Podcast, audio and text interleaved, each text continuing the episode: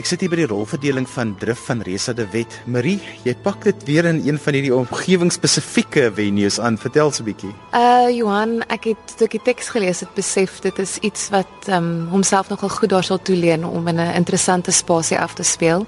Van die hele toneelstuk speel in een vertrek af.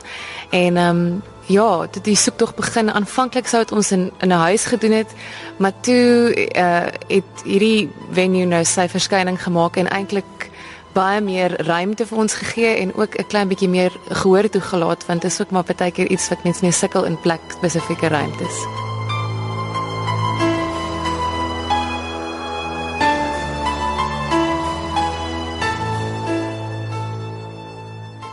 Hallo, my naam is Sintyn Skutte en ek speel die rol van Sissy. Nou Sissy en Armin uh bly langs die drif.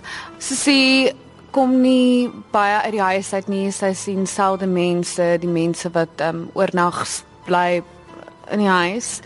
En ehm um, ja, die storie, Sissy se storie is um, baie interessant en sy word baie onderdruk uh deur Armin. Sy is 'n baie sensitiewe siel en ehm um, ja, kom volg Sissy se journey. Hallo, ek is Marley Katske en ek vertolk die rol van Esmeralda.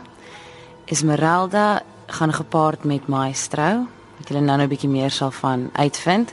Maar Maestro en Esmeralda, sy Maestro is 'n hipnotis hipnotis, hipnotiseerder en Esmeralda is sy assistent en hulle toer en hulle kom by hierdie plek aan waar hulle moet oornag om maar die drif te vol, die rivier te vol is. Hulle kan nie die drif oorsteek nie.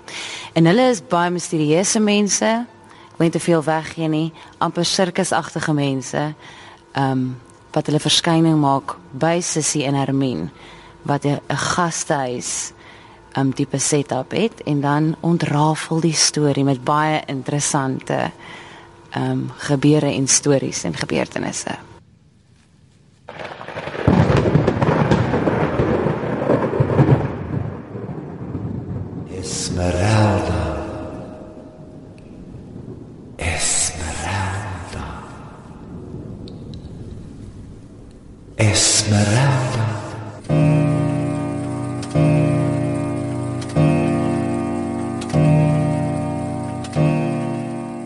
Ek is Andre Roodman, ek speel die rol van Maestro en wat gebeur met Maestro en sy assistente Esmeralda as dit hulle ontwrig die huishouding van 'n uh, gesin wat bestaan uit twee susters, een waarvan gebreklik is.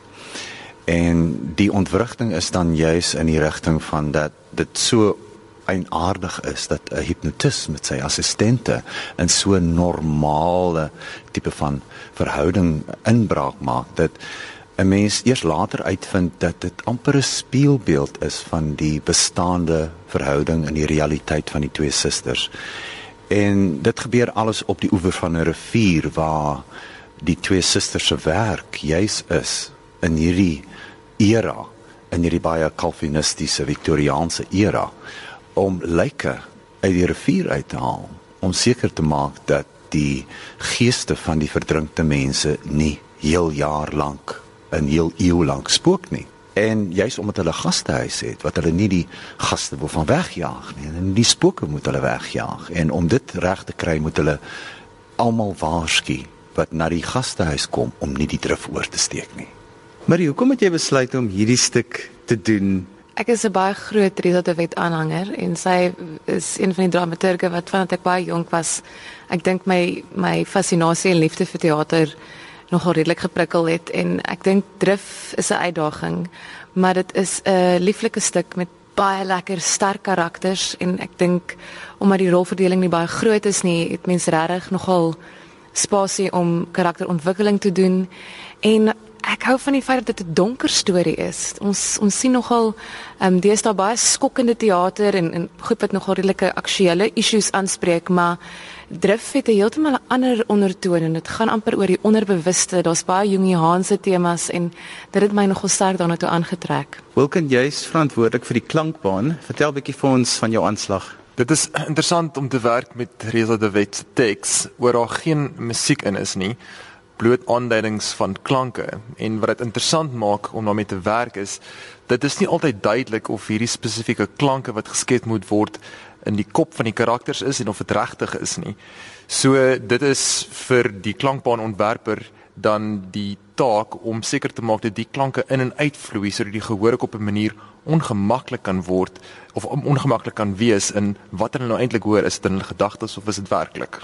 Wat is vir julle die uitdagings om in 'n nie teateromgewing te speel? Dit is baie baie interessant want die uitdaging is juis dat as daar nou iets is wat 'n mens kan herinner aan die inhoud van die teks self waarmee jy werk, dan uh, gryp 'n mens dit maar aan en dit is jy sien dit as deel van die werklikheid en ook omdat jy dan die twee vlakke van die realiteit en die ehm um, verbeelding ehm um, in mekaar laat kan invloei. Dit is baie makliker vir 'n gehoor om dit te ervaar op twee vlakke. Vir my is dit baie vars. Dis heerlik om in 'n spasie te speel waar die gehoor amper bo op die akteur sit om letterlik so in te delf in die karakter in en daai fokus te hou met 'n gehoor wat op jou sit. En ons doen dit in theater in the round, so dit is heeltemal rondom. En dit is verskriklik interessant. Dit is regtig haar fyn beplan hoe ons die blocking gedoen het, waar ons waantoe speel, waar die klanke vandaan kom. Wat net so interessant is, is omdat ons dit op twee vlakke doen.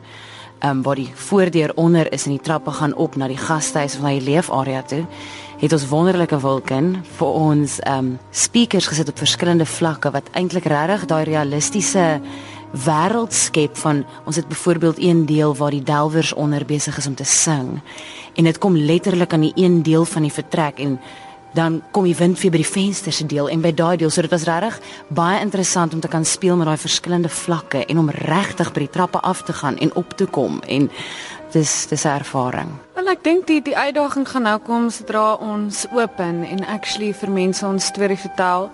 Um Marie het baie slim en fyn detail en regie die afgelope paar weke vir ons gegee van vertel die storie nie maak nie saak waar jy is nie. En ek dink dit gaan baie interessant wees as gehoorlid dat geen nie om waar jy sit nie. Jy kan kies wie se jy weet storie jy volg. Ehm um, en ek dink dit is nogals interessant. So ja, dit is my baie spesiaal om dit te kan doen. Dit, ons het ook daarom die geleentheid gehad om nou in die spasie. Ek dink dit is baie belangrik om 'n uh, rukkie voor die tyd in die spasie te oefen. Men is nie net 'n teater speelvlak vir son op die planke speel nie.